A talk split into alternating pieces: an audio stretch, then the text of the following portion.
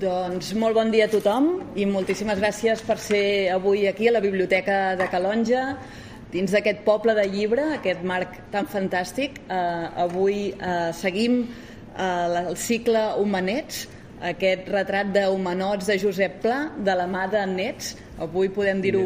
I netes, exacte, en plural.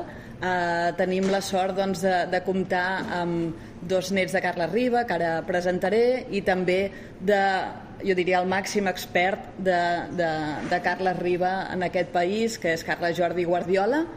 Estem en un poble privilegiat, eh, els nostres convidats eh, tenen moltes ganes no?, de sortir d'aquí i poder conèixer les sis llibreries que s'han obert recentment en aquest magnífic espai i mm, on podrem comprar i vull, aquí introdueixo una falca publicitària fantàstica perquè no fa ni una setmana que ha sortit l'últim llibre del senyor Carles Jordi Guardiola, editat per ell, que és l'inoblidable viatge a Grècia, eh, que ara estaven no, eh, tant la Cèlia com en Carles, els seus nets, comentant la jugada perquè tenen informació privilegiada que de ben segur eh, serà, diguéssim, interessant per, per, per en Carles Jordi per tant, avui el tema anirà de Carles, eh? Jo tindrem que fer diferenciacions. Uh, uh, sabeu, alguns de vosaltres, que aquest cicle va començar l'any passat. Hem pogut glosar una mica la figura d'alguns dels humanots que, que va retratar Josep Pla.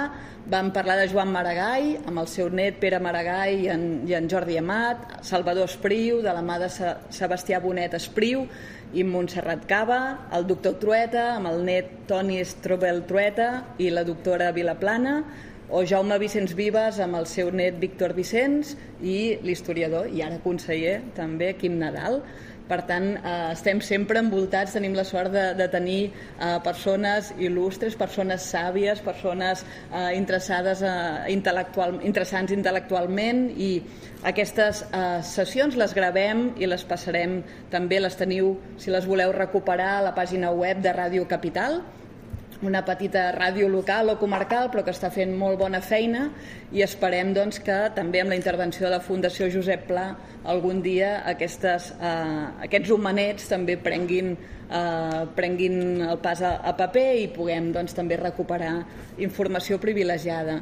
Eh, és, in, és intenció doncs, d'aquestes doncs, sessions parlar de les, dels retrats de, de Josep Pla de la mà de persones que van poder eh, conèixer, eh, interpretar i estan, diguéssim, en, eh, vinculats doncs, a l'estela o al llegat d'aquests grans homes. Eh? Tenim eh, el gran inconvenient que reivindicarem a cada sessió de que només podrem parlar d'homes, però sempre, i avui més que mai, diria, de les sessions que, que, que portem fetes, les figures eh, femenines eh, que, que, que acompanyaran aquests humanots pren volada i relleu.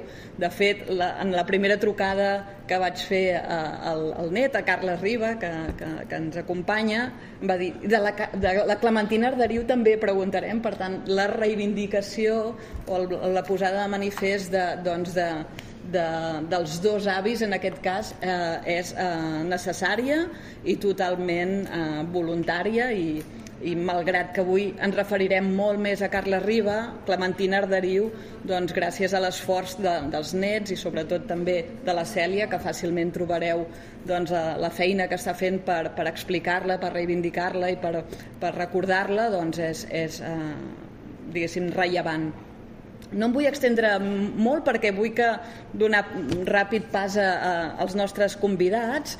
Uh, us els presento um, breument. Uh, a, la, a la meva esquerra uh, tenim la Cèlia Riba, ella és uh, filòloga, poeta també. Uh, espero que en aquesta taula que, de, de darrere nostra que la biblioteca ens ha preparat i tinguem alguns dels seus llibres de poesia i també de narrativa infantil i juvenil. És la Montserrat, la poeta. Val. Ah, és que, clar, és que, ten... bueno, és que aquí ens perdrem avui, eh? perquè tenim una família extensíssima. Carla Riba i Clementina Arderiu van tenir quatre fills, espera que recordi bé els noms, Oriol, Jordi, Eulàlia, Francesc. En Carles ens recorda que, que ho, el Francesc, el francès va, va néixer amb síndrome de Down i va morir al cap de 6 o 7 anys.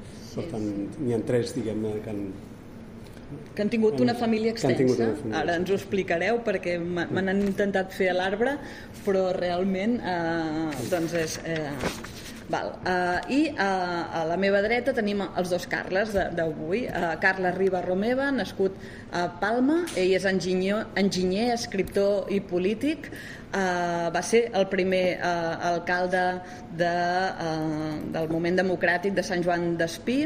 Um, ha fet la seva trajectòria, ha cursat a, a la Politècnica, a la Universitat Politècnica, sí. que també doncs, ens apropa, exacte, ens hem conegut en allà, uh, lluitador incansable, té 14 llibres de text en el terreny de l'enginyeria mecànica, que no crec que estiguin en no. aquesta taula, però sí que a les 12 biblioteques de la UPC, i uh, molta feina també a nivell de, de nou model energètic uh, i social, per tant, uh, és un treballador incansable eh, ell eh, és, o era germà de, de Pau Riba, que ens va deixar el 2022, i de set germans més? Set germans, set germans més, no? I aleshores... Eh, exacte, la és la Montserrat. La Montserrat, eh, també ens acompanyen entre el públic, no? La Maria Iu, Sí? Maria de Lluc. Sí. Maria de Lluc, eh, aquí eh, us vull agrair també especialment doncs, l'esforç de venir un dissabte a, a Calonja i segur que us demanarem, si, si us ve de gust, doncs, intervenir per poder complementar. És un privilegi tenir quatre, quatre nets no? doncs, de, de, de Carla Riba, que és com sabeu tots, una de les personalitats culturals més importants de, del nostre país i que avui doncs, en parlarem eh, abastament. Uh, per últim, eh, us vull presentar una mica a Carles Jordi Guardiola Noguera. Ell és manresà, assagista, poeta i editor, eh, director de la Magrana, molt de temps. És on trobareu, repeteixo, aquest magnífic llibre que ens porta de viatge a Grècia de la mà dels dos protagonistes d'avui, el protagonista Carles Riba i la seva dona, Clementina Arderiu, amb eh, diguéssim, una de les eh, especialitats o dels grans coneixements que té només Carla Jordi, perquè va ser eh, l'editor de tota la correspondència eh, de Carla Riba i entre, en aquest llibre hi trobarem una magnífica correspondència, i trobarem doncs, tot el seu eh, viatge, tots els seus pormenors que ens parlen perfectíssimament no, de, de, de com es movia i quins eren els interessos d'aquesta personalitat Um, però ho farem sobretot intentant fer-vos preguntes de, vinculades doncs, a, a l'homenot de, de Josep Pla. Jo el porto aquí eh, i el teniu a la biblioteca de Calonja amb, amb el volum 11 de l'obra completa editada Destino. Jo crec que Carla Jordi porta eh, la sèrie en selecte, en aquest, és la primera sèrie. Uh, no m'hi extendré gaire perquè ja us dic que tinc ganes de, de passar-li la veu als nostres convidats però eh, sorprèn, diguéssim, l'inici eh, d'aquest uh, retrat fent uh, un esbós de com veia uh, Josep Pla el caràcter no? de, de, de Carles Riba, a nivell de tracte social, de la voluntat de Carles Riba de que l'acompanyés no? en tota aquesta trajectòria d'acompanyament intel·lectual. Avui parlarem doncs, de les missives, de les cartes que es van intercanviar, dels espais eh, on, eh, on es van creuar i eh, així que si us sembla bé eh, comencem, comencem de la mà dels nets primer, que han fet una feinada impressionant, fent un cafè m'ensenyaven aquí els materials que han preparat per la sessió d'avui, que a diferència dels meus, que són eh, quatre, quatre punts a, a mà, ells han volgut sistematitzar doncs, tot el seu coneixement i de ben segur que en Carla Jordi i, i bibliotecaris i arxivers doncs, us estarem eh, eternament agraïts. Uh, la primera pregunta que faig en totes aquestes sèries de, dels humanets uh, és uh, l'òbvia, no? Quina era la relació, quina va poder ser la relació amb, amb el vostre avi? Bé, eh, i el que volia comentar és que l'avi va morir molt jove, eh, 66 anys, i jo, jo soc el net gran per tots els costats, i per tant jo vaig viure fins als 12 anys amb ell o sigui, vaig coincidir 12 anys. Per tant, jo era molt jove i encara no, eh, no havia potser copsat tota la importància que tenia, no? El que sí que recordo és que a partir d'una certa edat, que no sé quan devia ser, potser 9 o 10 anys o una cosa així, eh, els nostres pares ens enviaven sí, eh, alternativament a casa un avi i a casa l'altre. Eh? i ens anàvem tornant i em sembla que a mi m'enviaven sol i després enviaven els altres dos següents que eren Pau i en Jaume i, i per tant, esclar, jo, jo anava a casa l'avi una criatura molt petita i llavors eh, és una casa diguem-ne que hi havia un cert rigor diguem-ne les coses molt ben ordenades i tal i llavors hi havia una cosa molt sorprenent que després a la Cèlia, si pots explicar-ho aquest document que has trobat. Eh? Vull dir, que diguem tot de cop, el diumenge a la tarda, eh, començava a trucar gent i anaven arribant gent. I doncs a vegades 6, 8, 10, 12 persones que es posaven en un despatx que hi havia a l'altre costat del, del rebedor, que ja el tenia provat, que allà on treballava, per altre cantó, l'avi, eh? eh? que encara existeix aquest, aquest, perquè la meva germana Clara, la quarta viu en aquesta casa, o sigui, van conviure un temps amb l'àvia i al final l'han heredat, i, bueno, heredat, han heredat el lloguer i continuen vivint allà. Per tant, l'espai és transformat, però hi és. I eh, en allà doncs, començaven a fer les seves, eh, diguem-ne, tertúlies. I jo era un nan molt jove, molt petit, i, i, i d'alguna manera o altra, diguem-ne, percebia que, doncs, que allà s'està passant passant coses, no? Llavors després, eh, Cèlia, quan, quan tu parlis una mica de qui, hi, qui hi havia, realment te n'adones que no era broma, allò, diguem-ne, que, que era un veritable cenacle, diguem-ne, de, de gent. Eh? Què passa? Que de vegades em deien, ara ja no, em presentaven. jo, diguem-ne, he tingut una dificultat, bueno, una dificultat, una, una, una experiència forta, que és que, esclar, em presentaven, Carles Riba. Però jo era un nano, un nano de, de 8, 10, 10, 12 anys, i esclar, jo pensava que, que, que els hi passa a aquesta gent, no? Que, que, que em veuen a mi. Sí, no, veien a l'avi, però com que tenia el mateix nom, doncs eh, això, diguem-ne, els, va, els, va, els, els, els, els impactava, diguem-ho així, no? Eh, hi ha, hi ha una història que m'ho han explicat, suposo que és així, perquè jo, ja era petit. Jo vaig néixer a Mallorca, com els tres grans. El meu pare, bueno, venien de l'exili, el, el pare i la mare eh, van preparar l'exili dels seus respectius pares, s'havien trobat a l'exili bueno, l'avi Romeva, que era d'Unió Democràtica, era un dels fundadors d'Unió Democràtica, eh, tenia relacions amb les democràcies cristianes que estaven naixent en aquell moment, que eren partits amb sensibilitat social, però diguem-ne, però cristians.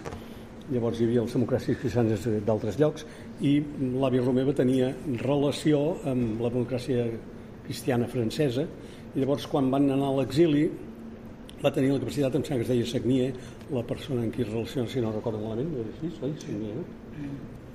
I, i eh, diguem-ne, va, va aconseguir que unes quantes famílies de proximitat que doncs eh, anessin al castell de Vierville Bueno, de fet, en el molí del castell el de molí, sí, el molí. I, amb la meva muller nosaltres vam anar un cop i des de fora vam veure el molí encara existeix, el rierol, etc etc. no? I eh, els meus pares eh, van començar a festejar allà. No? Eh, el meu pare, amb 17 anys pelats, la meva mare 19, més gran el meu pare que la meva mare, com també l'àvia era 5 anys més gran que el meu pare, o com la meva muller també és 4 anys més gran que jo, i la meva filla una mica més gran que el, que el seu company. Vull dir que portem una tradició, diguem-ne, d'edats eh, inversa al que acostuma a ser. Bé, llavors, eh, doncs el, els pares es van conèixer allà, va haver una anècdota molt interessant que me'l va explicar la meva mare, en aquella època, diguem-ne, sembla que no era massa ben vist que una parella festegés vivint tots en el sota el mateix sostre.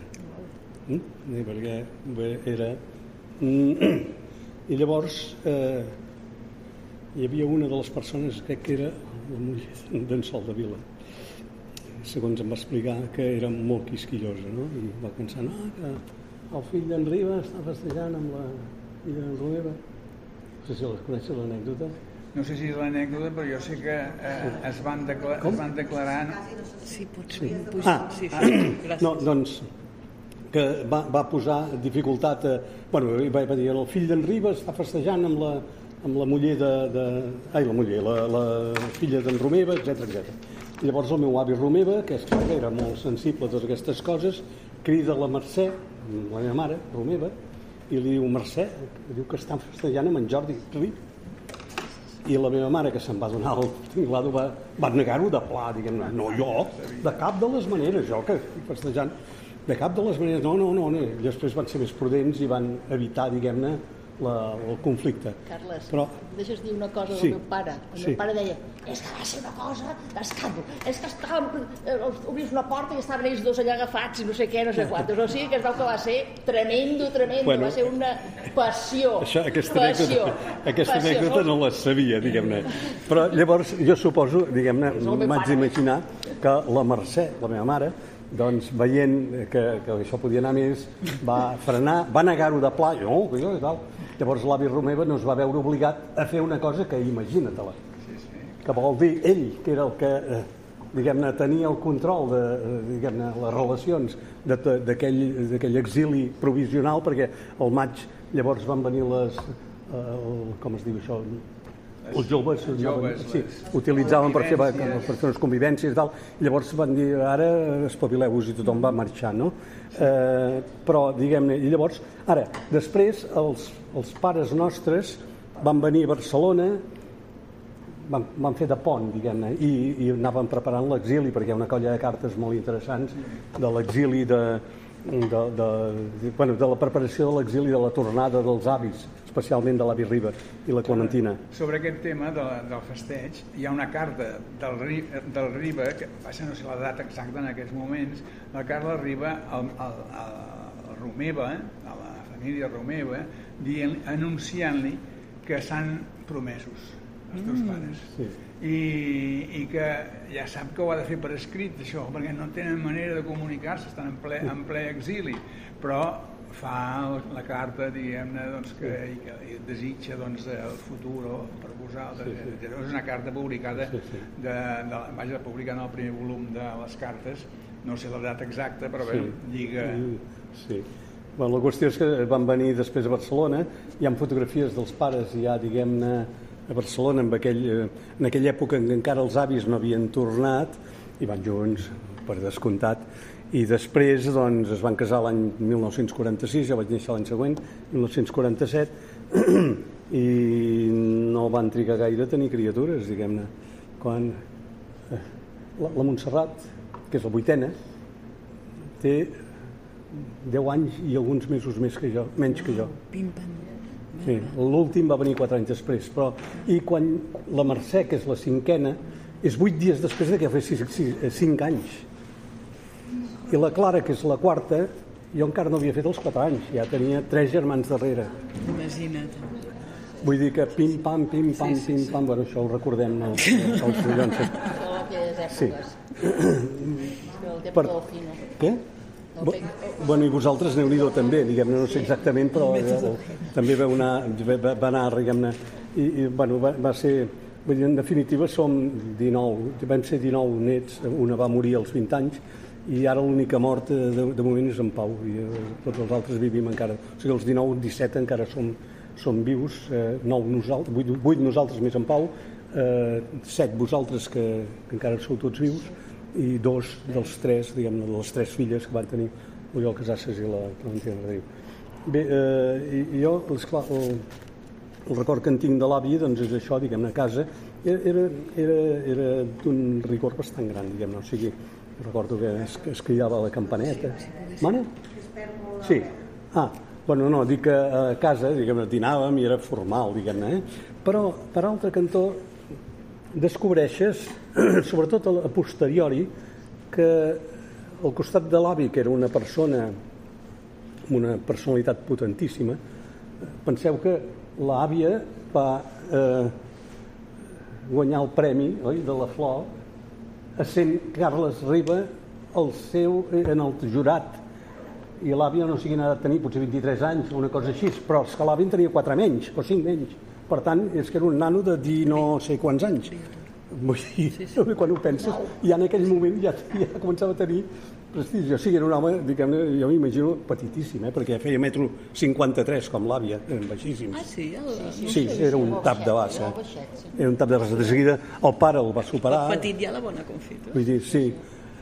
L'avi, el besavi Riba, que no, ja no el vaig conèixer, l'Antoni L'Antoni. Riba, eh, eh, era, sembla alt i esbelt. I llavors es, van, es va el casar... Tortosí, oi? El, El Tortosí, va néixer a Tortosa i va venir. Es veu que es va casar amb... Bueno, vull dir, va casar-se amb l'Adela Bracons, uh -huh. sabadellenca, que és, aquesta sí que es veu que era un tap de bassa brutal, diguem-ne. Un... I els avis durien heredar aquest cantó. Però també per la notícia que, alguna notícia que he tingut es veu que era una dona d'una gran cultura eh, i, i de molta més estabilitat que no pas la- el- l'Antoni Riba, besavi, que, es va tenir, que era escultor i va, va destruir part de la seva obra. Jo, jo diguem-ne, he trobat, he trobat eh, perquè hi havia l'Antoni Riba i el seu germà Carles Riba. Es- Estic parlant de tres generacions damunt meu, eh, diguem-ne, que jo soc grandet. Per tant, eh, de bastant... I tots dos eren escultors, especialment dedicat a temes, eh, en aquell moment, crec, funeraris. Eh, de, religiosos. eh, I veu que hi havia una Religiosos i de- de- sí. de- d'imatgeria. I d'imatgeria, etcètera, Imatgeria etcètera. Tortosa I per allà, i tenien clientela, per sí. per I hi ha, hi ha una persona que... Ara, ara no recordo el nom, però...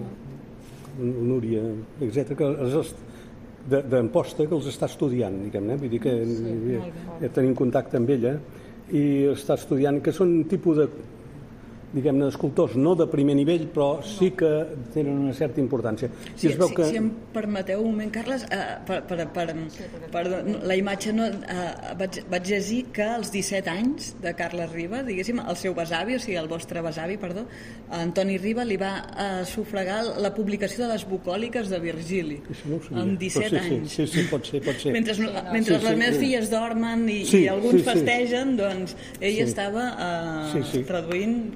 les això i poc després estava ja el eh, president o, o, o president o no, president em sembla oi? dels Jocs Florals Sí, sí, sí, del jurat. i llavors s'hi presenta una, una dona 5 anys més gran o no sé, 4 o 5 eh? Quatre, 4 anys quatre. 4 anys més gran i guanya i pues clar, ell és que encara no havia fet els 20 No. no, però clar, era tota una maduresa. Era, el, el que els diria de, de Carles Riba, que és No penses? capacitats. Molt bo. D'altes capacitats, hauríem dit ara. Sí. L'haurien classificat d'altes capacitats, capacitats, i sí. l'haurien posat perquè realment era Sí, sí. extraordinari el que feia. Bueno, Era molt amic d'en Segarra, Sí. i anava, anava de passat d'en Segarra en aquella època, Sí. ja hi va haver separació, i amb la, amb la- amb la Clementina, eh, no sé, ho diu, diu, la primera poeta que vaig conèixer tot plegat, ja, ja vaig voler que fos la meva. Sí. I se n'anaven a festejar allà a la botiga, I ho saps, penso, això? penso que se la va haver de, de, De treballar. De treballar, sí. Perquè ella no- Perquè hi no havia veia. una altra colla de poetes d'aquella època eh, Que també, també rondaven. també la rondaven. Vull dir, eh, hi havia la rebotiga, ella vivia al carrer Vinyola, Clementina Arderiu. Sí. Era filla d'argenters, que encara... Jo sé el lloc perfecte perquè hi havia estat jo, no? Davant lloc. del Bolsín. Sí. Eh, que ara no sé si hi ha un bar, eh, em sembla. No, ara hi ha un... No sé què m'han dit... que- No sé què hi ha ara. Bueno, és que han canviat. Eh, és una cantonada, és un lloc que Sí. al carrer Avinyó es fa estretíssim, diguem-ne. I en aquella cantonada hi havia la... I llavors la rere botiga, esclar, era, era allà un... on es veu que anaven certs eh, poetes, etc. però no era ben vist, eh? Com? Els pares. Els pares no volien. Sí. El senyor, el senyor Dariu no, No. havia sentit El senyor de Riu. sí, perquè era un home pràctic. Eh, Sí. el Carles Riba un senyor callat, no sé què, Sí. Un senyor o un nano. Però ells volien algú que es quedés amb la botiga, Amb la botiga, sí, amb la Valentina per quedar-se a la botiga. Cosa que va passar molt de mestre, I va, que, que, això va passar Sí. amb la amb la germana i el de mestre, que era el seu Va marit. haver de rebel·lar-se amb els pa contra els pares per casar-se amb el Llavors, era la pubilla. Allà en aquella casa de Passadell, Sí, sí. sí. sinistre, A veure, allà l'encarga, eh, escapats. Era un moment. i, i aleshores... No sé què I està parlant. durant aquest període hi ha el paper d'en Segarra. Eh, Sí. I quan en Carles Riba fa la tesi doctoral a Madrid, eh, ja estan enamorats de la Clementina i, i s'escriuen, però eh, no, no poden escriure directament a la Clementina de Riu, al Riba. I escriuen al Riba, des de Madrid escriu a Segarra, el Segarra li porta, li porta a, a la carta, li dona sempre i quan no, no hi ha el senyor Dariu, que diu el Segarra que ja el farem sortir en una obra de teatre. Sí, sí, sí. I, i, i, i el, el, el, la- el, el Segarra explica en, en les seves eh, històries, en les seves cartes, explica doncs, això, que, que i, aquell moment no, l'orgue no estava per al tema. No, és que aquesta pulsera me la va regalar la meva àvia i va dir, això el vaig fer jo quan era aprenenta Bueno, Clar, es, veu, ella- es veu una mica mal fet, eh? La veritat és d'aprenenta. Però justament per això té la gràcia, Sí. perquè n'aprenia, perquè era la pubilla i havia de quedar-se a la botiga. I llavors la, van, la va educar el seu pare, que era la nineta dels ulls de son pare.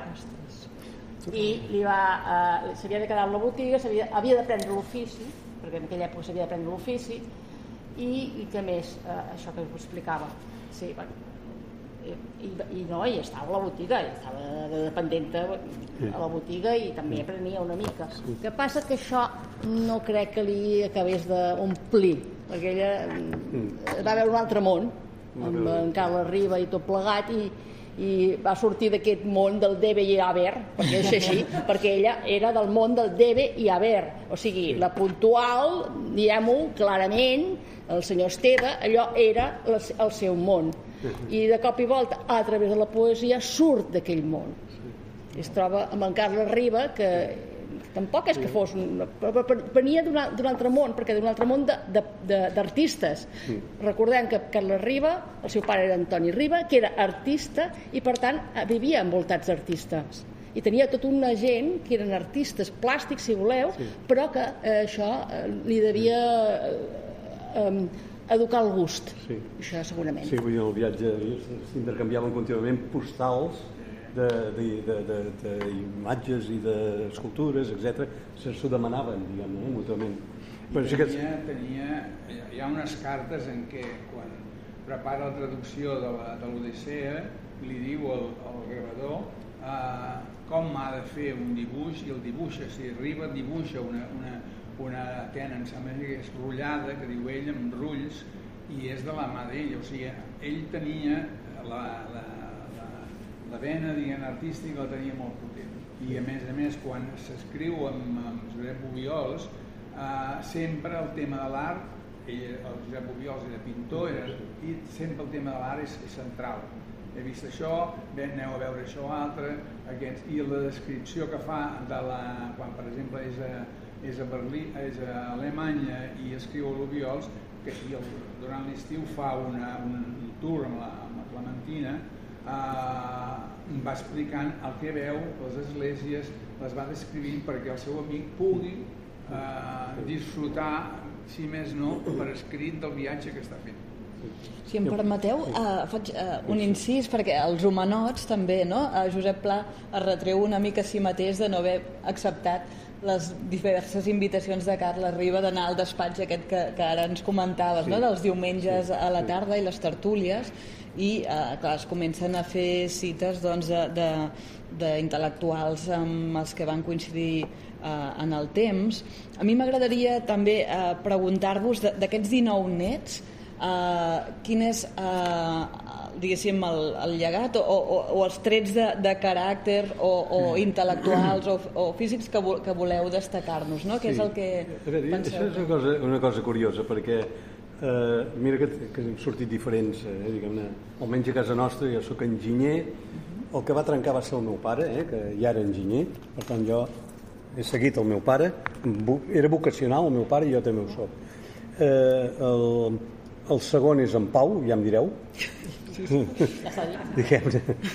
Eh, el tercer és en Jaume, és arquitecte i també és molt vocacionalment arquitecte. La quarta és la Clara, que és matemàtica, és eh, d'exactes. La Mercè ha fet escultura, va començar físiques però ha fet escultura. En Jordi torna a ser enginyer. En Xavier és músic, toca el violí. la... Eh, la Montserrat ha fet moltes coses però d'alguna manera o altra hem de dir que és poeta.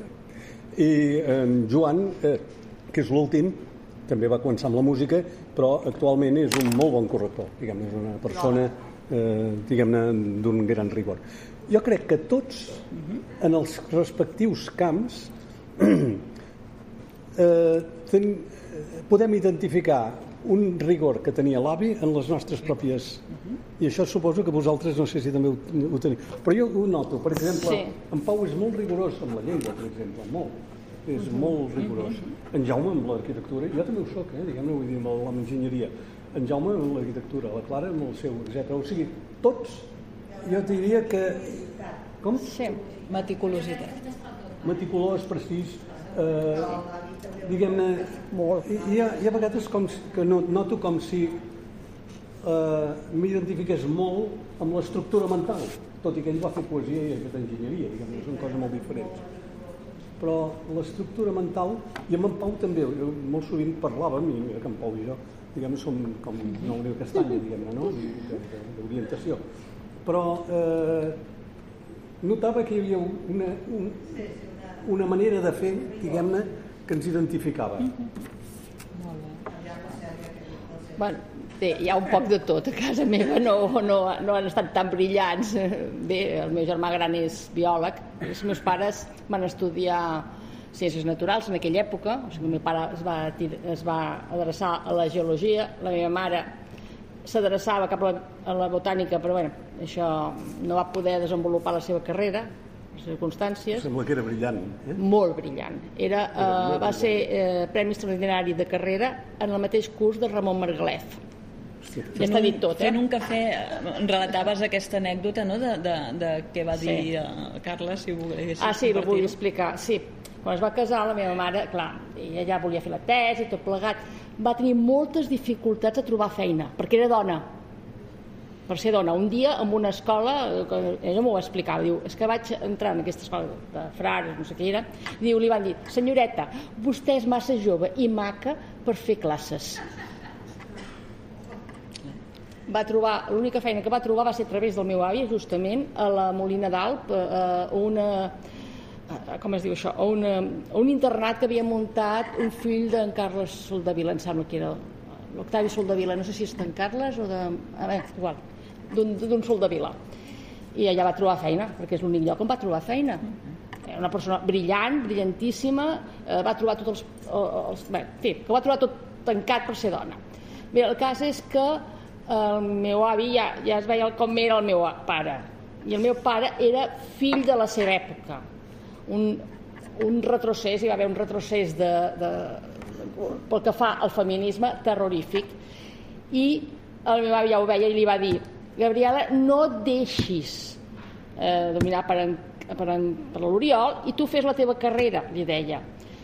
I després la meva mare em deia, és que si el meu sogre hagués viscut, potser hauria pogut eh, influir en el meu, el meu marit i, i deixar-la. Potser la meva mare tenia un poc de debilitat de caràcter en aquest aspecte. No ho sé, però bueno, mira, eh, és aquestes circumstàncies. I els altres fills, doncs, no sé, el meu germà Climent eh, fa de comptable, eh, el meu germà Gabriel, ja t'ho dit, jo sóc filòloga, vaig estar al Termcat, vaig, la primera època vaig fer una feinada, després vaig fer de professora, en fi, i m'ha tocat fer moltes coses. Després hi va haver, aquí ve més, l'Oriol, l'Oriol, que aquest, aquest sí que no té el do de la paraula, aquest no sé d'on ha sortit, però no és riba en absolut. Però aquest, aquest bueno, ha fet una carrera de, fun de funcionari, de fer, diguem-ho clar, Després ve en, en Miquel, en Miquel, en Miquel, sí, en Miquel ha fet mil feines és com a periodista i coses d'aquestes. Després en Pere, en Pere és enginyer, també, i la Maria de Lluc ha estudiat eh, bibliotecàries. Eh, això. Sí, sí. Molt bé, molt Potser, comentant això, vull dir una cosa, vull dir que, eh, diguem-ne, jo que havia conviscut amb ells a casa, Sí. diguem-ne, eh, molt jove, molt jove, eh, la, el, les funcions eh, allà eren molt clares, l'home l'home i la dona la dona. Però, eh, quan mires retrospectivament, veus que l'avi no va tancar les possibilitats de que l'àvia fos una poetessa i avui dia, diguem-ne, s'està... O sigui, i em sembla, fins i tot, que això m'ho han comentat gent, que potser, sí. que, eh, que fins i tot l'àvia i ell parlaven de poesia i s'influïen mútuament, o sigui, almenys s'orientaven mútuament. Tot i que les poesies crec que s'han de considerar molt diferents. Tot. A veure, uh, jo sé, això m'ho va explicar la Clementina directament, Ah, perquè jo, sigui- jo és que amb la Clementina vaig tenir molta relació perquè vivíem al mateix replà, o sigui, Sí. sí. pis per pis, i amb aquell guirigall que hi havia a casa meva, la meva mare deia, vés a fer companyia a l'àvia i vés a estudiar allà. I jo anava a estudiar. Amb la- amb l'àvia i l'àvia, doncs, de tant en tant feia alguna anècdota, m'explicava coses. I una de les coses que em va explicar, espera, ara, ara m'ha fet el conill, eh, que era, el, ai, perdona, No, això sobre, sobre ell i l'avi. sí, eh, que li va dir un moment determinat, Tina, deixa de llegir carner, perquè t'està influint. I després una altra cosa és que el meu pare deia que eh, a la taula es parlava de coses de poesia i de literatura i que de tant en tant la iaia Neus, que era la, seva, la mare de la Clementina i que vivia amb ells, deia alguna cosa i que es posaven molt, es posaven molt nerviosos perquè, clar, deia coses, pobra senyora, que no deies una senyora que devia saber llegir, eh, havia estat, suposo, alfabetitzada i poca cosa més, i clar, es posaven nerviosos i que ells com a nens havien de callar perquè estaven allà els grans estaven parlant i no els deixaven parlar clar, s'ha de tenir en compte una cosa que la, la Tina és la que portava els diners eh, en aquella casa hi havia uns sobres i aquells sobres eren per tal cosa, per tal cosa i per tal l'altra Sí, sí, administrava ella. ella administrava. I si, per alguna casualitat, alguns diners d'un sobre havien de passar a un altre, diu que hi havia un d'alta baixa en aquella casa. Vull dir que era, era molt, molt, molt... Amb això era molt estricta, la meva àvia, era l'estricta, o sigui, la dura era l'estricta, era la, Era la d'ordre, eh? La d'ordre, la que posava allò. Tornarem aquí, si us sembla bé, perquè recuperem una mica la, la figura Sí, dels humanots, Carles Riba, els que el vam estudiar al batxillerat, no? el, el, el pòsit, diguéssim, eh, que, que queda popularment és eh, d'un intel·lectual seriós, eh, no? De, no, en canvi, eh, vull, vull començar no? a donar la, la paraula a en Carles Jordi, perquè entre la moltíssima feina doncs, que, que ha fet eh, el Carles Jordi, que avui ens acompanya, eh, hi ha alguns llibres que, que ell ens porta i que també podem agafar en préstec aquí a la biblioteca, eh, que ens parlen doncs, de, de, del, del Carles Riba més proper, no? i de, de- d'aquest coneixement que ell ha pogut eh, tenir, no? de, de, dels, de, de com eh, com es compaginava la múltiple tasca intel·lectual i aquest llegat eh, hel·lenístic entre mil altres coses que, que ens ha arribat, eh, també d'aquest caràcter, eh, què ens en podries dir, Carles Jordi, de, de, d'aquests, els poetes també riuen, no? que és el títol de, Però del, del jo, teu jo, jo llibre. vaig, vaig dir-te, dic, començaré pels poetes també riuen, ja ho explicaré, però després he pensat que hi ha un altre, un altre tema per començar, que era el havia deixat al final, però que lliga perfectament amb, el, amb, amb l'humanot pla. És a dir, la relació entre Riba i Pla. És a dir, una relació molt, diguem superficial, poca, però hi ha uns, unes, unes dates molt concretes, que abans ho explicava. El, eh, el Pla l'any 48 escriu un article, bueno, no solament a- a- a l'any 48, però en aquest cas és l'any 48, escriu un, un, un article Destino en el qual fa una referència favorable a Carles Riba.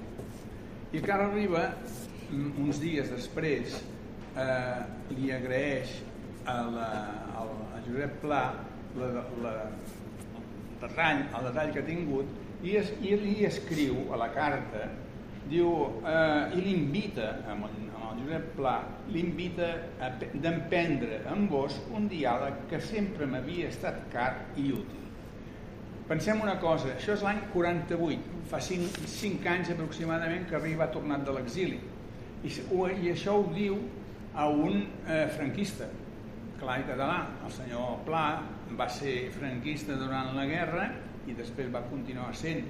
O sigui, per tant, què passa que un intel·lectual com Riba que eh, està diguem vigilat per la policia perquè no i està diguem molt, molt, molt eh, eh, discretament diguem, va fent feina però discretament que pugui escriure i li inviti a emprendre amb vos un diàleg que sempre m'havia estat car i, i útil. La contesta del, del, del pla és de l'any 30 un any- el, el febrer de l'any següent, el 49, i mm, diu que conec la vostra obra i no em canso de llegir-la. Aquesta obra és la clau de volta del català i d'avui o sigui el català de demà. No es mulla, no, no es defineix com s'ha definit eh, en Riba en el sentit de dir hem de parlar, hem de continuar parlant, eh, hem de, hem de i, mm, i això ho fa i en aquest sentit m'ha semblat que era bo que la, els, aquests humanots es troben en un moment determinat perquè l'humanot del pla és eh, del Riba, l'homenot del Riba, del Pla, és discutible. Jo el tinc aquí, l'edició, la primera edició, me'l vaig llegir de dalt a baix, el vaig subratllar, etc etc. Després, això abans l'any eh, 96, em sembla que era, després vaig començar la, la investigació de les cartes i va ser, diguem-ne, ha anat, diguem-ne, a la meva visió, és a dir, m'he referit molt poc a l'homenot del, del, del Pla sobre Riba. Riba és molt més enllà del que, del que diu l'homenot i les, clar, lògicament les cartes és allà on queda més, més significat eh, això llavors seria aquest, aquesta, aquest tema que és a dir, estem parlant dels humanots o dels, dels humanets però els humanots, és a dir, els dos humanots el Pla i el Riba tenen aquesta connexió o almenys diguem el Riba inicia eh, una, una, una voluntat de connexió amb un en, diguem, adversari clarament, no, no literari, no cultural, però sí un adversari. Jo crec que aquest és un factor que ens explica una mica també, diguem, el, el tarannà pla. Mm? Sobre el tarannà riba, eh, jo vaig, no vaig conèixer personalment, vaig conèixer la, la, la Clementina, eh, va ser, m'hi va presentar el, jo, el Joaquim Moles, un professor que jo feia la tesi de llicenciatura, eh, la conversa va ser molt interessant, perquè parlaven del, teu germà i el, i el Moles li feia, li feia raonant, raonaments i la teva, la teva àvia no, no, no, li, no, no, ens, no em volia sortir, no em volia sentir parlar gaire.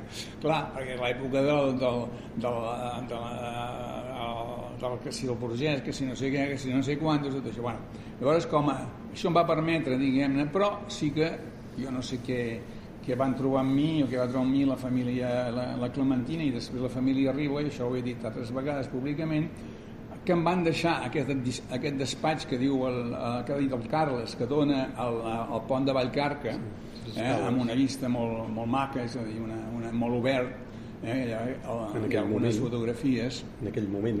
En aquell moment, ah, ja no és cas eh? Aleshores, eh, el, eh, el, el Riba a la família Ribas, la Clementina en aquest cas, em va deixar accés al, al, a l'arxiu. És a dir, Carles i Clementina havien, havien, eh, es dedicaven alguns caps de setmana, sembla que això m'ho explicava l'Eulàlia, a, a endreçar els arxius, els seus arxius, i els seus arxius estaven impecablement. Precisament els va preservar diguem de, la, de, la, de la guerra, va demanar a coneguts que li guardessin l'arxiu de les cartes, de la correspondència, i per tant, diguem-ne, això em va facilitar a mi entrar en el món de, de, de Riba, és a dir, en el món que és el que he defensat, i és el, aquest, torno al punt que deies eh, tu, Carme, és a dir, del, del punt de Riba humà. És a dir, què passa? El Riba va tenir un, problema, tu has dit, va morir massa jove, és a dir, tothom es mor, es mor massa jove, però en aquest cas massa jove i no va tenir temps d'obrir-se fins al final. És a dir, de la mateixa generació era, era el Foix, eh, Foix va viure anys i panys, i llavors, per tant, el Foix es va, es va poder explicar més enllà de l'obra concreta. I arriba, llavors va tenir un altre problema. A la mort, que va ser, eh, va ser, sí, eh, va ser diguem-ne, traumàtica, per exemple, el, el, el, Joan Oliver escriu uns versos, diu, si tu no hi ets, a qui m'adreçaré? Si tu no hi ets, qui ens jutjarà? Dir, era, era un personatge, eh, una persona, un personatge, eh, una persona amb, una, amb, un, amb un poder. Llavors, què passa? Que es publica un número de, de Germinàvit eh, que molts hem tingut o tenim, les biblioteques també, en l'època del blanc i negre, hem de tenir en compte, eh, en l'època de, del blanc i negre, un eh, un número eh, extraordinari que tanca, per dir-ho així, eh, moltes portes. Però, és clar estem parlant l'any 59, estem plen, parlant en plena dictadura. Vull dir, per tant, hem de, hem de posar, hem de posar tots els, totes les peces per entendre, diguem aquesta, que si el Riba, que si no sé el Riba, etc etc. Llavors, ell mateix, la poesia del Riba, eh, diu eh, eh, que és obscura la seva poesia, perquè li diu, oh, és que el Riba és difícil, etc. No, ell diu que és obscura. Jo, jo, quan a vegades explico aquest tema, dic, mira, si tu entres dintre un túnel, al final hi ha la llum. Llavors, què, què vol dir? Que el lector ha de fer un esforç. El lector ha de fer un esforç. I aquí, per exemple, mm, amb, després faré, barrejo aquí, eh, eh, per exemple, diguem no ho fa fàcil, això és veritat. Per què? Perquè passa que eh, hem de respectar-lo. Ara, a vegades hi ha alguns, mm, jo dic per exemple que quan per començar a llegir Riba va molt bé amb les, amb les tanques, les tanques són aquests poemes de 31 síl·labes, etc etc. i alguna tanca ja et dona, ja et dona mm, possibilitats. Per exemple, n'hi ha una que m'agrada molt que quan, quan la vaig llegir per primera vegada deia Eugènia. I vaig pensar, bé, no sé però clar, jo en aquell moment no, no vaig pensar eh, que l'Eugènia era Creixells la filla de Joan Creixells que el Creixells va morir el 26 va deixar eh, com a tutor Riba i el Riba li va fer de pare. I després ho explica en aquell llibre dels poetes també riuen, doncs explica. Ah, què passa? Diu, jo llegeixo perquè una mica perquè i, diu, diré llimones pomes rosades, roses sal i, petgi, i petxines i es pensaran que passes entre els jardins i l'ona. Ah, si tu no saps que això és l'any 36 si no, tu, no, tu no saps que Eugènia en aquesta data tenia 10 anys mmm, perds, perds no saps aquí qui és aquesta Eugènia i què és com es justifica diguem, aquest, aquest poema aquest poema, aquesta tanca tan diguem tan, eh, tan, eh, tan concreta però també tan il·luminadora. És a dir, llavors aquest és un, un dels aspectes de, un, que tenia per proposar com, però jo em sembla que aquí aquest, eh, aquesta, aquest, aquest capítol, per dir-ho així, amb la família Riba que hi ha aquí no eh, és, és eh, innecessari, no? Vull dir, tothom està d'acord en què diguem-ne que la poesia de Riba té, eh, en fi, i, i deuen conèixer més eh, poesia que jo mateix. Per tant, diguem-ne, aquest, aquest mm, he reivindicat, precisament a través de les cartes, he reivindicat aquest Carles Riba més humà per exemple, que, eh, i això ho he publicat en aquest llibre que es diu Els poetes també riuen, que això va ser el títol d'un article que em va demanar Serrador i em va, em va semblar per reivindicar. Llavors poso tres... Dir, Mercè Badosa era un alumne de l'escola de, periodi, de l'escola de bibliotecàries. Era jove i, i llavors, mm, què? això són entrevistes que jo vaig fer en, en el moment diguem-ne que, que eren, les persones eren vives. Llavors diu, eh, diu érem noies que tenien 20 anys i en Riba era un home tan savi i tan apassionat i tan sensible que ens evocava i ens donava tot el que tenia era un home que parlava amb una gran generositat. I sempre ja ens allunya d'aquesta imatge més cosificada eh, de cor, no? més cosificada. Eh, Perucho que que no té Diana que escriu més endavant. Però on és? Aquí, sí, Perucho. A Perucho li diu perquè eren, a més eren veïns eren veïns i, i es veien sovint. Eh, eh, carai si aquí tenia, ah no, esclar, és l'altra pàgina. Bueno. Mm, diu Rivera un home sota el seu rigor intel·lectual, aquesta és una paraula que ha sortit abans i que jo defenso de totes totes. És a dir, ell era, era una persona que, sobretot, era, el rigor és, era el seu nom, el rigor, en tot. Uh, sota el seu rigor intel·lectual, Riba era un home apassionat i afectuós. Um, aleshores, aquí hi ha, una, hi ha, una, hi ha un te, també un text d'en uh, en Joaquim Moles, que ja és bastant conegut, i l'altra banda el seu vitalisme, reivindica el seu vitalisme. Llavors explica una anècdota de que a la cantonada de la Via, Via Augusta, amb la Diagonal, va veure un, un, un retrat, un anunci de Sofia Loren. No? Llavors mm. aquí diu, és que ah, ah, diu, el Riba va començar a fer, això sí que és una dona, això sí que és una dona. És, era l'explosió d'aquest Riba, que no és eh, l'intel·lectual, sinó el Riba, diguem-ne, normal i corrent. Això ho deia, deia Joaquim, Joaquim Moles. Uh, a més a més, si nosaltres, i jo he reivindicat sempre diguem-ne, el, uh, el paper, aquest paper de Riba, uh, un dels seus dar darrers llibres es diu Cor salvatge. Més clar, més clar que, que aquest títol, eh, és a dir, s'ha de ser molt, molt curt de mires perquè no, no, no identifiquis que, que un cor salvatge és exactament això que diu aquest, aquestes dos, aquests dos mots. Vull dir, o sigui que eh, aquest, aquest és per tant diguem-ne eh, una mica el, el, el riba que jo vaig reivindicar a través de les cartes. És a dir, les cartes diguem-ne em demostren un, un i en la, en la prosa, la prosa que hi ha la prosa diguem infantil, ha la prosa diguem uh, culta o diguem de, de les ressenyes literàries, les crítiques, etc. Hi ha una tercera prosa que és la que es veu en les, en les cartes i que és una de les proses que reivindico.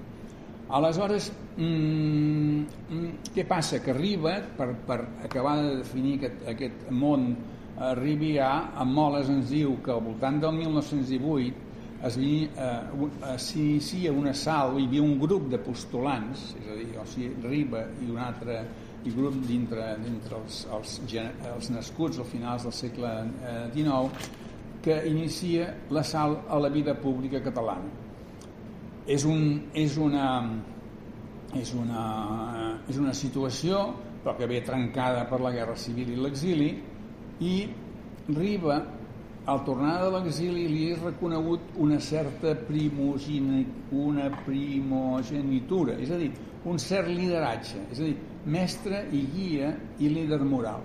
Per això és aquella, aquell, eh, aquella, aquell vers que us he dit abans, si tu no hi ets, a qui m'adreçaré? Si tu no hi ets, qui ens jutjarà? És dir, aquí jo vaig, això ho vaig explicar en un llibre, no, no en faig propaganda, però és que com que per una mica, diguem succintament, aquí aquest retrat de grup és precisament el Riba com a eix d'una sèrie de, d'una sèrie de, de personatges que jo eh, presento aquí presento aquí me'ls diré tots de seguit perquè així és més fàcil jo presento aquí és a dir, quines són en relació eh, entre Riba Josep Maria López Picó, que era com un germà, Joan Creixells, ja és, la, és, el, és el filòsof i ell diu una de les més pures amistats, Francesc Cambó, el, el, un, un tema que em, via, em va interessar extraordinàriament eh, per la relació amb la Fundació Bernat Metge, etc.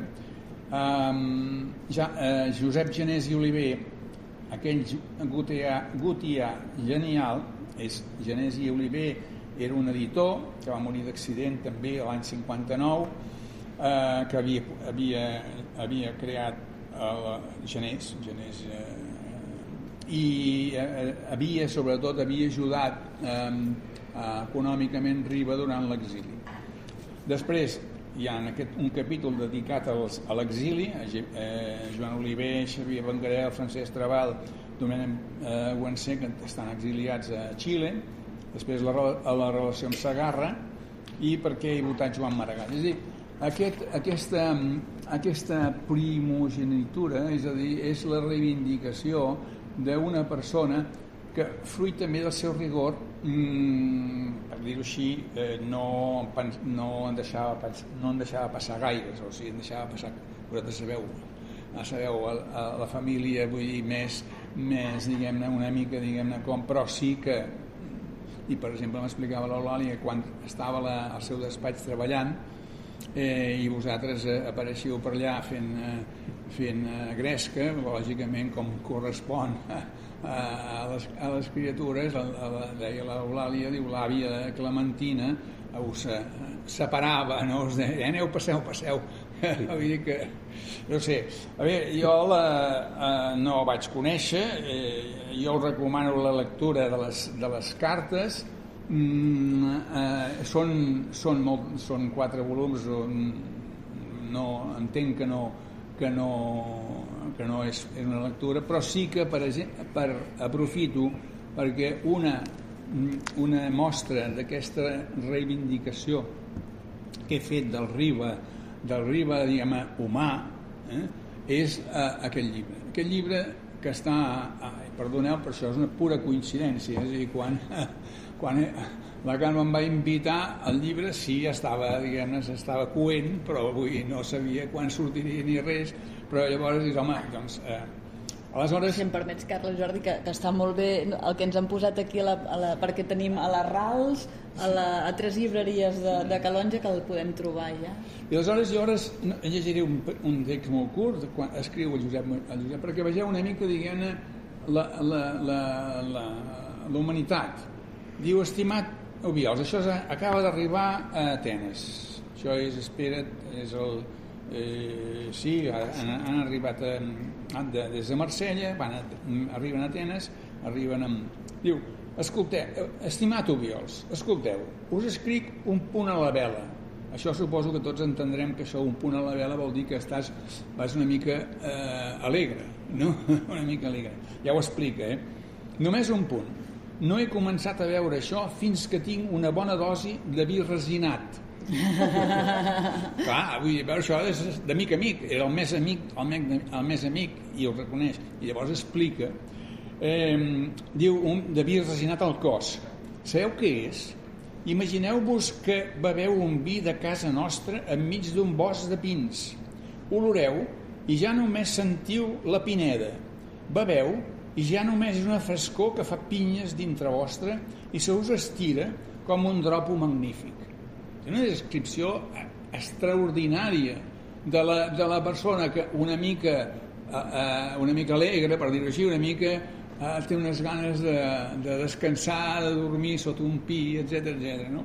Aleshores, diu, com un dropo de l'Àsia, som Atenes rics com uns asiàtics, positius com aquells almogàvers, i aquí barreja doncs, la, la història, diu, diu eh, positius com aquells almogàvers que fregaven l'all sobre el pa mirant-se de reull l'erècton, intel·ligents com, un, com, els quants, eh, com els quants poc apenes que deien sí senyor a Pèricles mentre la turba feia salsitxades i política. Em faria molta nosa la ciència si la tingués, o sigui, a renunciar a la ciència en ple viatge a Grècia. I després, per, eh, mireu, una, això és una... Llavors, qui és la és aquest, aquesta, aquesta frase, és a dir, una frase que després recollirà. Diu, mireu, vam arribar a Atena de l'Àtica, perdó, vam arribar a la terra de l'Àtica una matinada. El sol sobreixia vermell, eloquent damunt de Salamina. Perdó, el sol eh, sobreixia vermell, eloquent damunt de Salamina, es vessava sobre el mar brunyit cap al nostre pobre, pobre vapor ple de greguets, tronats, dispersos, ignorants, ridículament, ridículament nacionalistes. En un, en un bon moment, una boira ens va cobrir la punta de Sunion. No ens, no ens deixa veure el Pireu d'endins, sinó unes xamaneies de fàbrica. Diu, cap, cap emoció no, dels greguets. Després vingué el, pin, el pintoresc d'un bord de, llac, de, bé, de, pensa'm bé, eh, només per carretera esplèndidament asfaltada al Faleron Atenes ens aparegué sobre un turó groguenc una joguineta trencada. Imagineu el Partenó fet com un petge papers igual que les, que les torres de pasta de les merceries de, de, de Pisa. Petit però retallat, ferm en tots dos sentits, horitzontal i vertical, amb un esplèndid no sé què de despectiu i de traient, alhora com si us digués que l'heu de prendre tal com, com ell voldrà ésser. Sí, aquesta, aquestes són, són cartes adreçades a Josep, a Josep Bujols i que reflecteixen ja no solament un, una, unes, unes novetats, unes, unes, una, sinó una, una qualitat literària per mi eh, ja sort, tots estic en, en, bona, en bon, millor que molts, diguem-ne, que molts textos, diguem-ne, eh, d'altres textos arriba mateix. O sigui, això ja, ja... Potser perquè jo les he treballades, jo les, les, tinc, les conec més, eh, i segurament algun altre algun professor de la universitat en diria una altra cosa, però bueno, en qualsevol cas la meva, la meva diguem relació eh, està així una mica, una mica barrejada doncs està al voltant d'aquests d'aquests textos que he anat dient desenrotllant al llarg, al llarg de, durant tots aquests anys.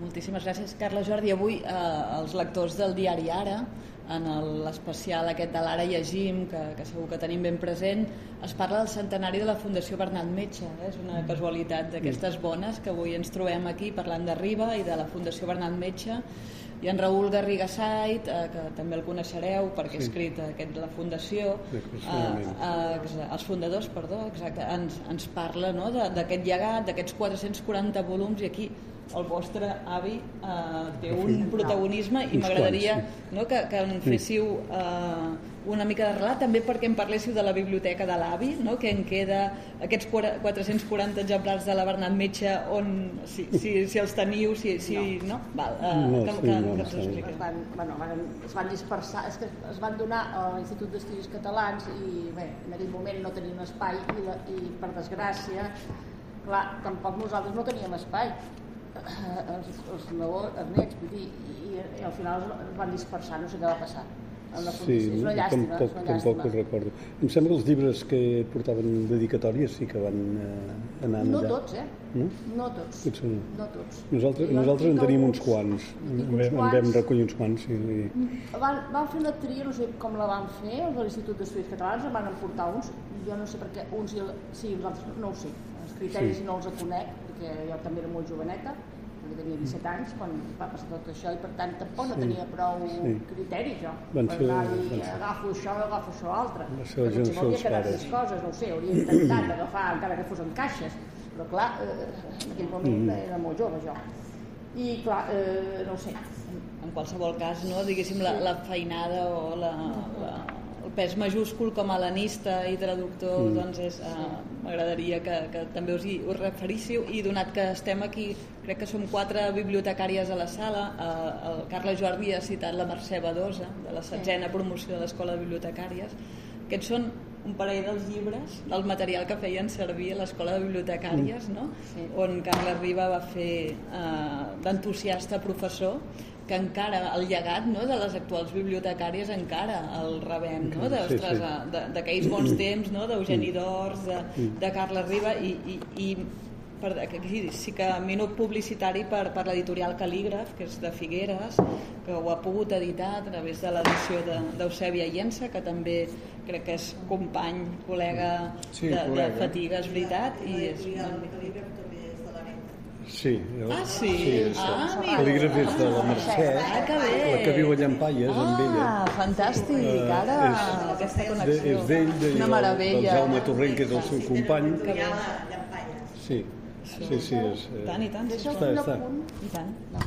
Carles, bueno, que, que, que, que t'he interromput. Bueno, no. No, no, no, és, que és que volia fer una, una, una, una, una, un incís, clar, uh, de, sobre en Carles Riba i sobre la humanitat d'en Carles Riba, el meu pare m'explicava que quan va morir el seu germà petit, en Cesc, eh, en Cesc, en Cesquet, em sembla que li deien una cosa això, eh, que ell va sentir tant, diu que es posava en el jardí de Sarrià a plorar sol, eh, perquè no el veies ningú, no el veiessin els fills, trist, eh, clar, eh, ho va sentir molt.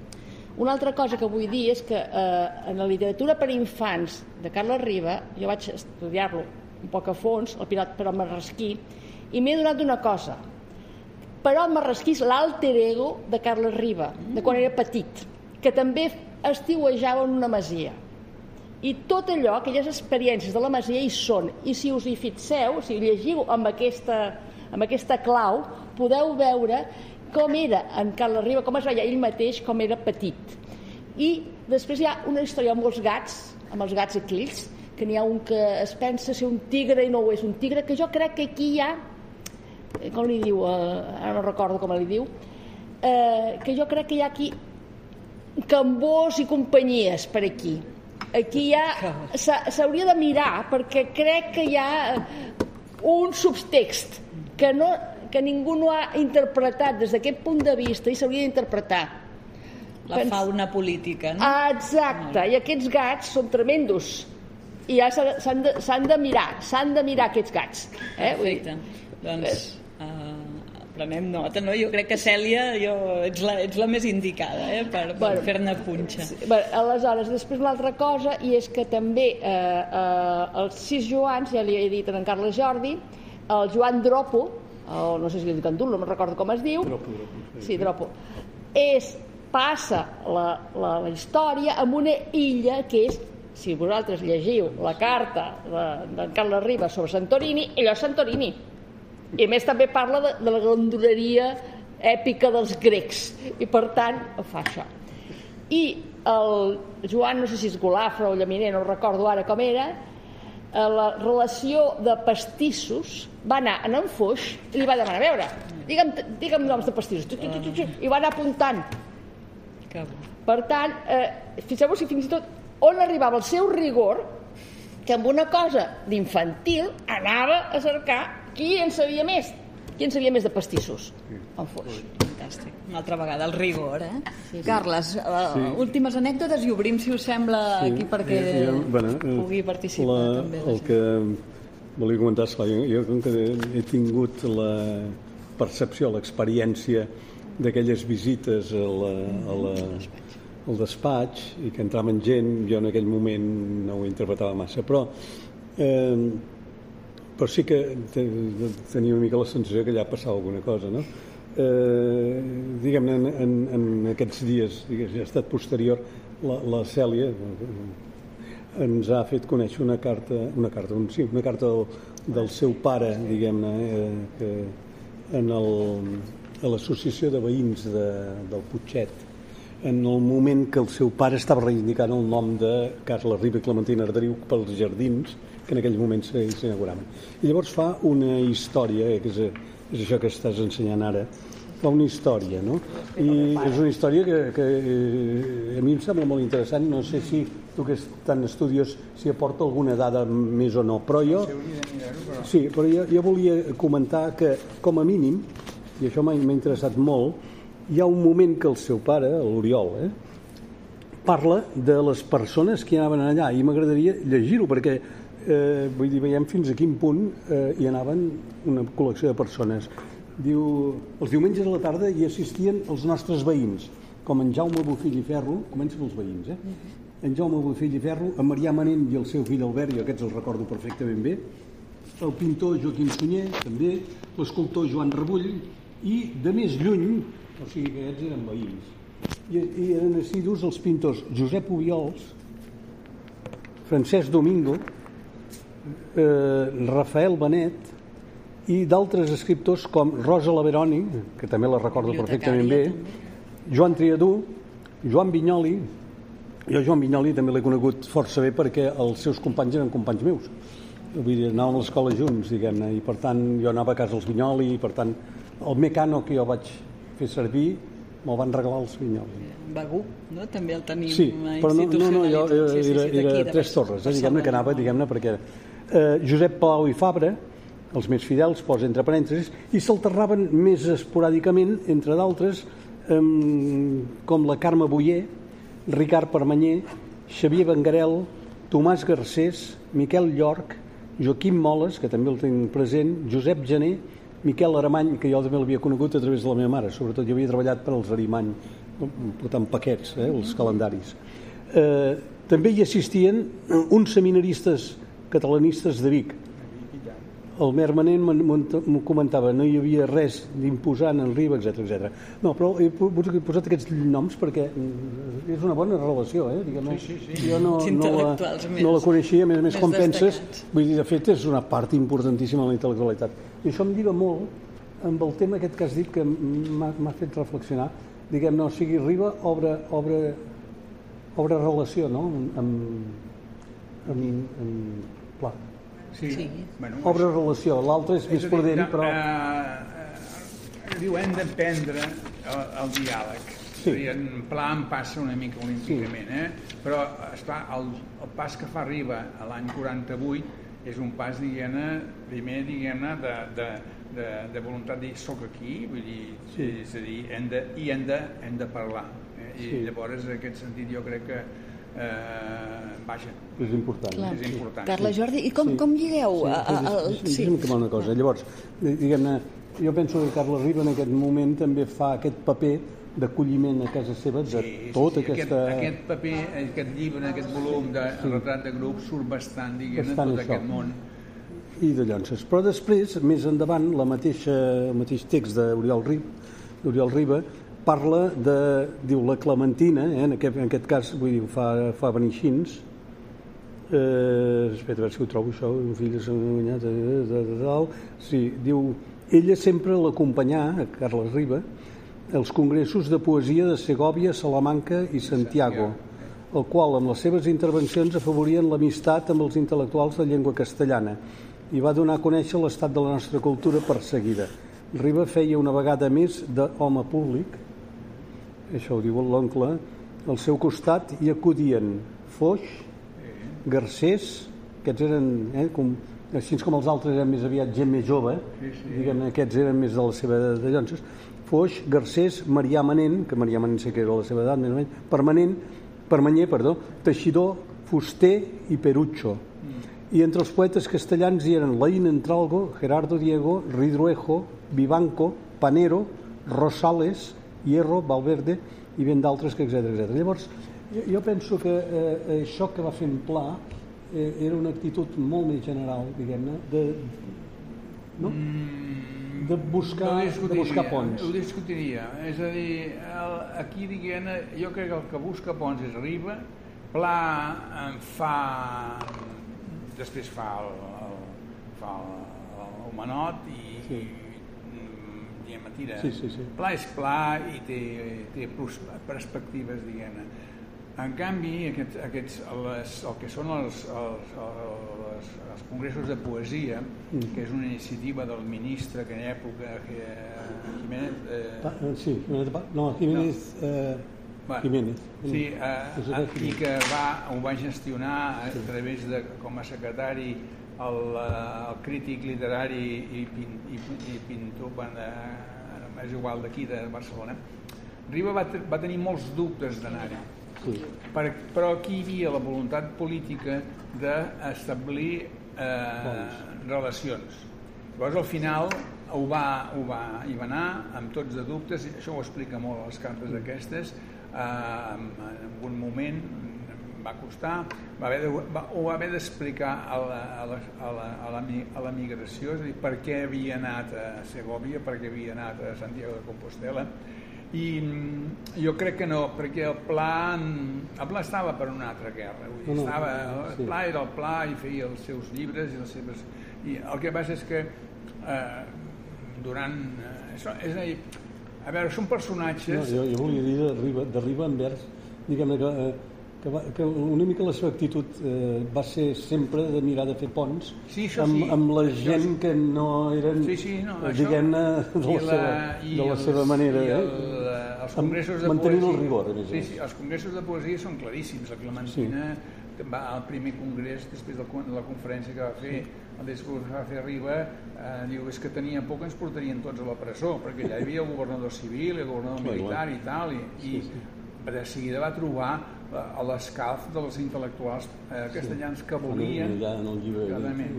tens el de, com Sí. diu, el de, Aquí tinc un altre escrit el- pare, el, el, el del gallec, com es diu? El, Ah, sí, el, el Camilo José Tela. Sí, que diu, és- és con un- seis hombres como Carla Sí, Riba, no? sí. España sería Europa. Exactament, Sí. o sigui que en aquest sentit sí, però jo crec que Riba, eh, mm, Pau Clar, eh, Pau Claris, Pau, vale, eh, Pla, no Pau, No, Pla, no, no del Pla. Pla va per un altre, Sí, sí, sí. va per un altre camí, és a dir, eh, són, són mons...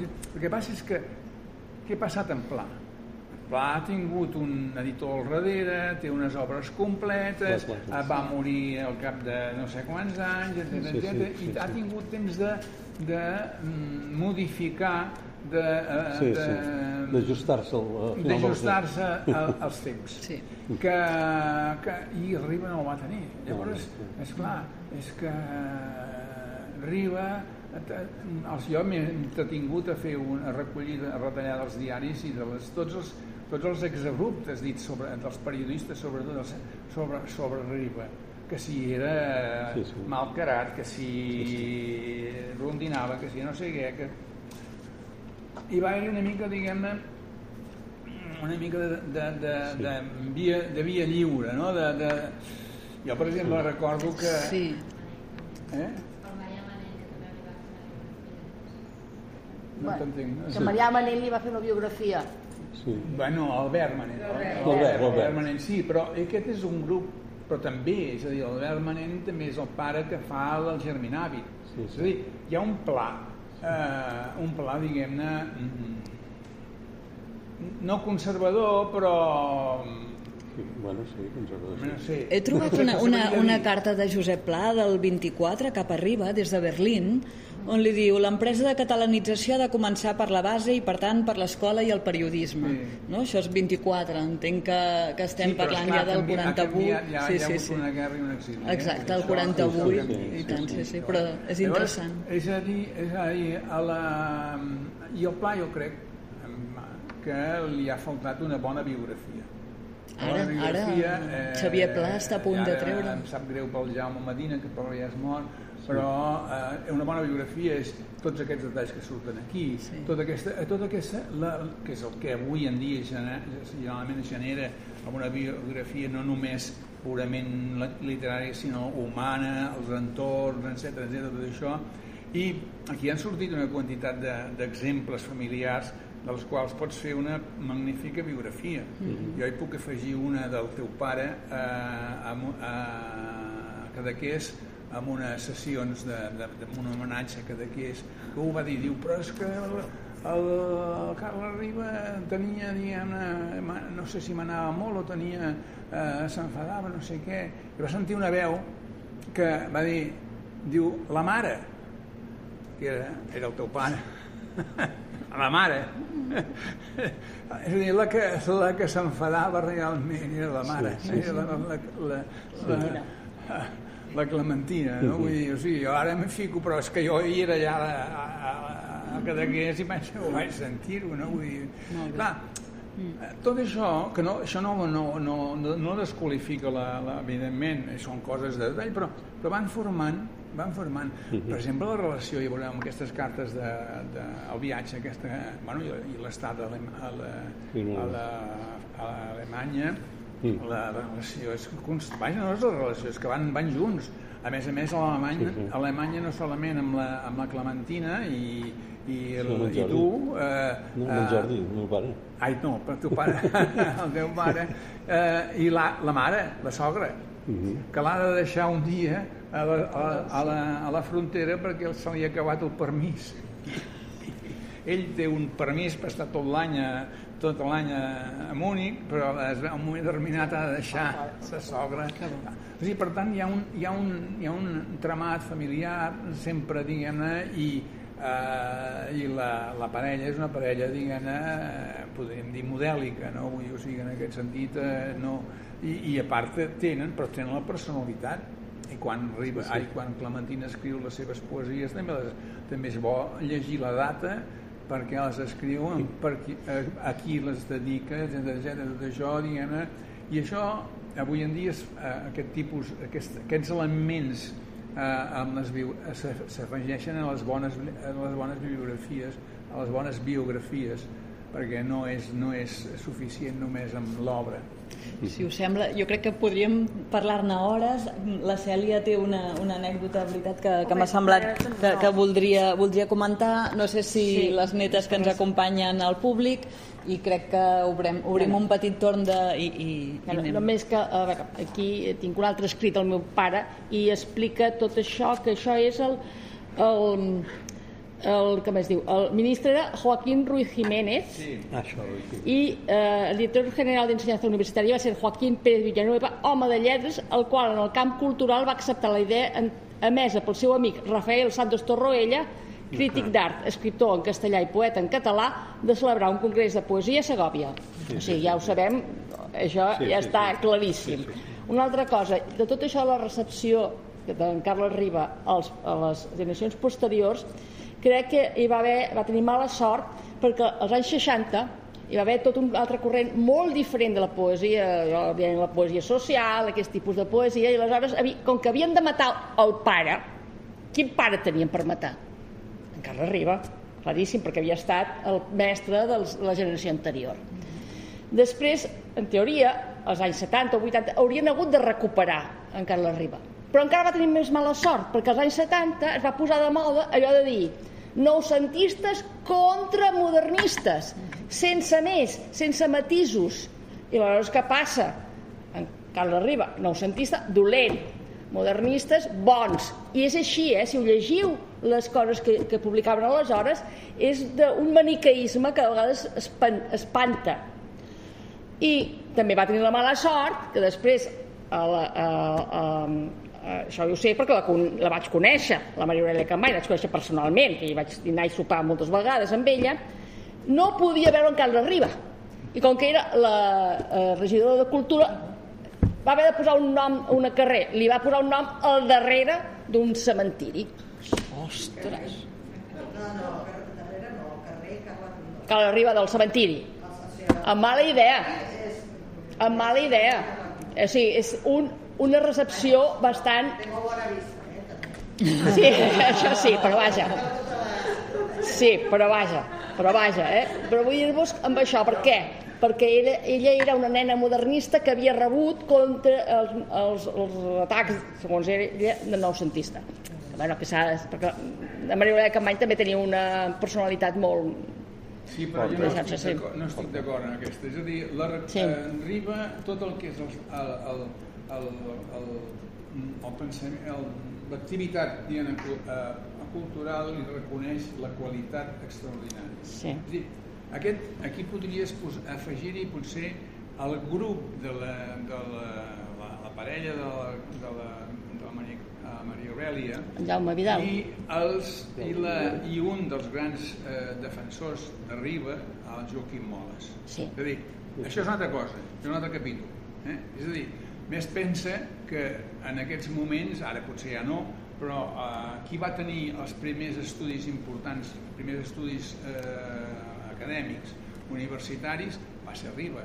Tesis sobre, sobre, hi ha poques tesis sobre els autors, ara n'hi ha més, evidentment, poques tesis sobre, en, en aquella època i arriba de seguida va haver, va haver estudis sí. i tesis, hi ha una bona bibliografia per tant hi ha un respecte total al Riba després hi ha aquesta aquests eh, aquesta mena de, de, de, això que deia abans és a dir, jo tinc retallats tonteries mm, es- publicades als diaris sobretot del món periodístic que la, la relació amb, amb, amb jo l'explico aquí perquè em, vaig, em va preocupar una mica de dir, escolta, Sagarra amunt i arribarà i tot això i tot això a veure, def, i, i ja hi explico aquí eh, i ara eh, eh, vaja, ja està, ja està. Dit és dir, en un moment determinat quan el Riquer el Riquer diguem, eh, eh, passa a ser eh, militant de la falange i ser el comissari de no sé què de la falange i tot això eh,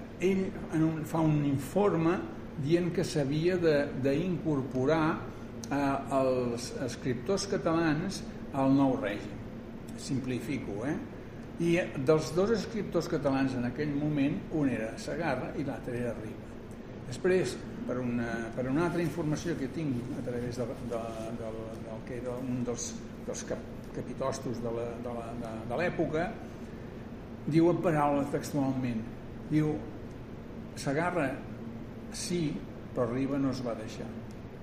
Això està escrit i està publicat aquí. El que passa que ah, això, aquestes, aquestes diguem, evidències a vegades molesten. És a dir, molesten perquè desfan una... El, el problema quin era? Doncs el, del, del, el Sagarra i el Riba havien estat molt amics, eh, de, era el que li portava les cartes de, de, que, des, de, des de Madrid a la Clementina, però hi ha un moment en què diguem, tenen els discursos eh, literaris es divergeixen. Un tipus de personalitat, eh, moltes, moltes, eh, després hi ha la guerra esclar, i la, i la postguerra. Sagarra eh, se'n va mm, relativament aviat, a, a, a Cambó li paga el viatge, el fa casar i li paga el viatge a la Contilla, no sé on, eh, Tahití. la Ruta Blava, etc. Arriba, arriba, el Cambó no el vol ni rebre eh, a l'exili. Eh? I el Riba té una carta l'any abans de quan torna de l'exili, una carta no enviada, és escrita però no enviada a, a Cambó, amb, el, amb, el, amb, el, amb escrit amb, els, amb les seves memòries testamentàries, bueno, la seva, els seus testaments, que no es destrueixi la carta.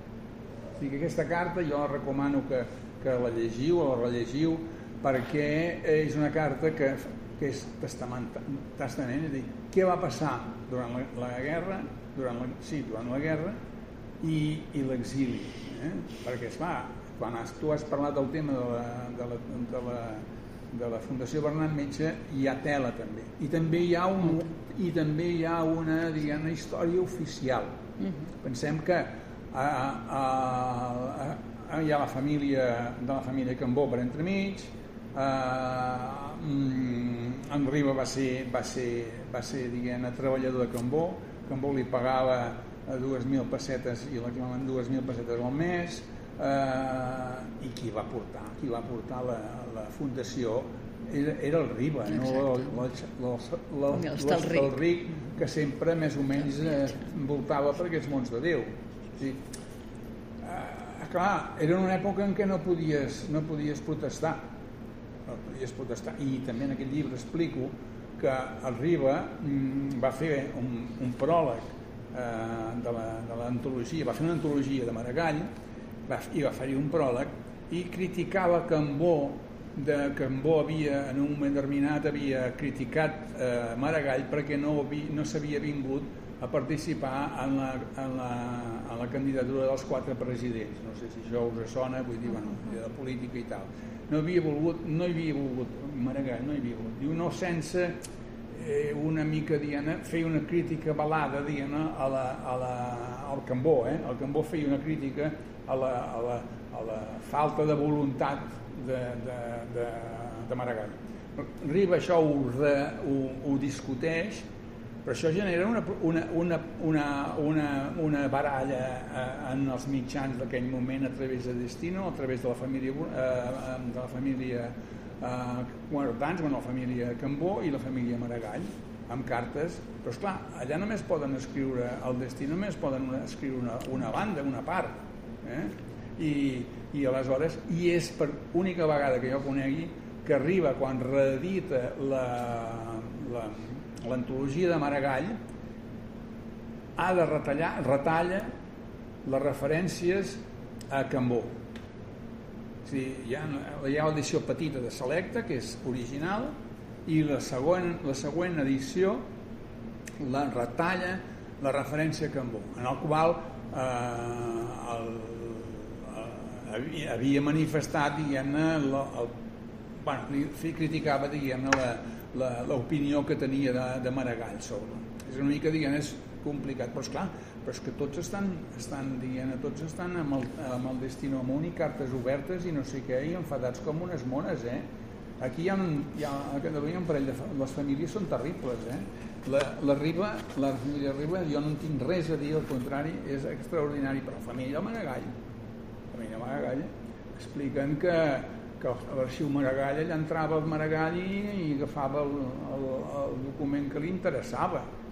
El Cambó, la família Cambó s'ho ha venut tot, no se sap res no, hi ha, no s'ha no guardat res de la Fundació Bernat Metge etc etc i per exemple el mateix paper que va fer Riba durant la, durant la guerra Riba va, va guardar literalment va conservar literalment els mobles del Cambó i, es, i, va haver de, i es, ho explica en aquesta carta del, del, del 43 que perquè explica moltes coses. Ara això no és mai no, no ha estat mai popular lògicament és, forma part de la, de la, del món acadèmic. Però és que es fa, s'ha de defensar en aquest sentit s'ha de defensar diguem el que, el que correspon a cadascú Bueno, jo he fet un, un speech. Molt interessant, però has parlat de retallar i em sembla que, que he, de, he de fer de polidolenta, he de, he, de, he de fer de retalladora oficial perquè uh, està tancada la biblioteca ja està. i crec que m'estiraran les orelles. Uh, ha que sigut molt molt i molt interessant i no, no, ja et dic, jo crec que, que en tindríem per hores uh, i no sé si hi ha alguna pregunta així ràpida que... L'avi, perdona, aprofiten. més, l'avi va, va aturar la FAI, que ja anava, Sí. anava a entrar...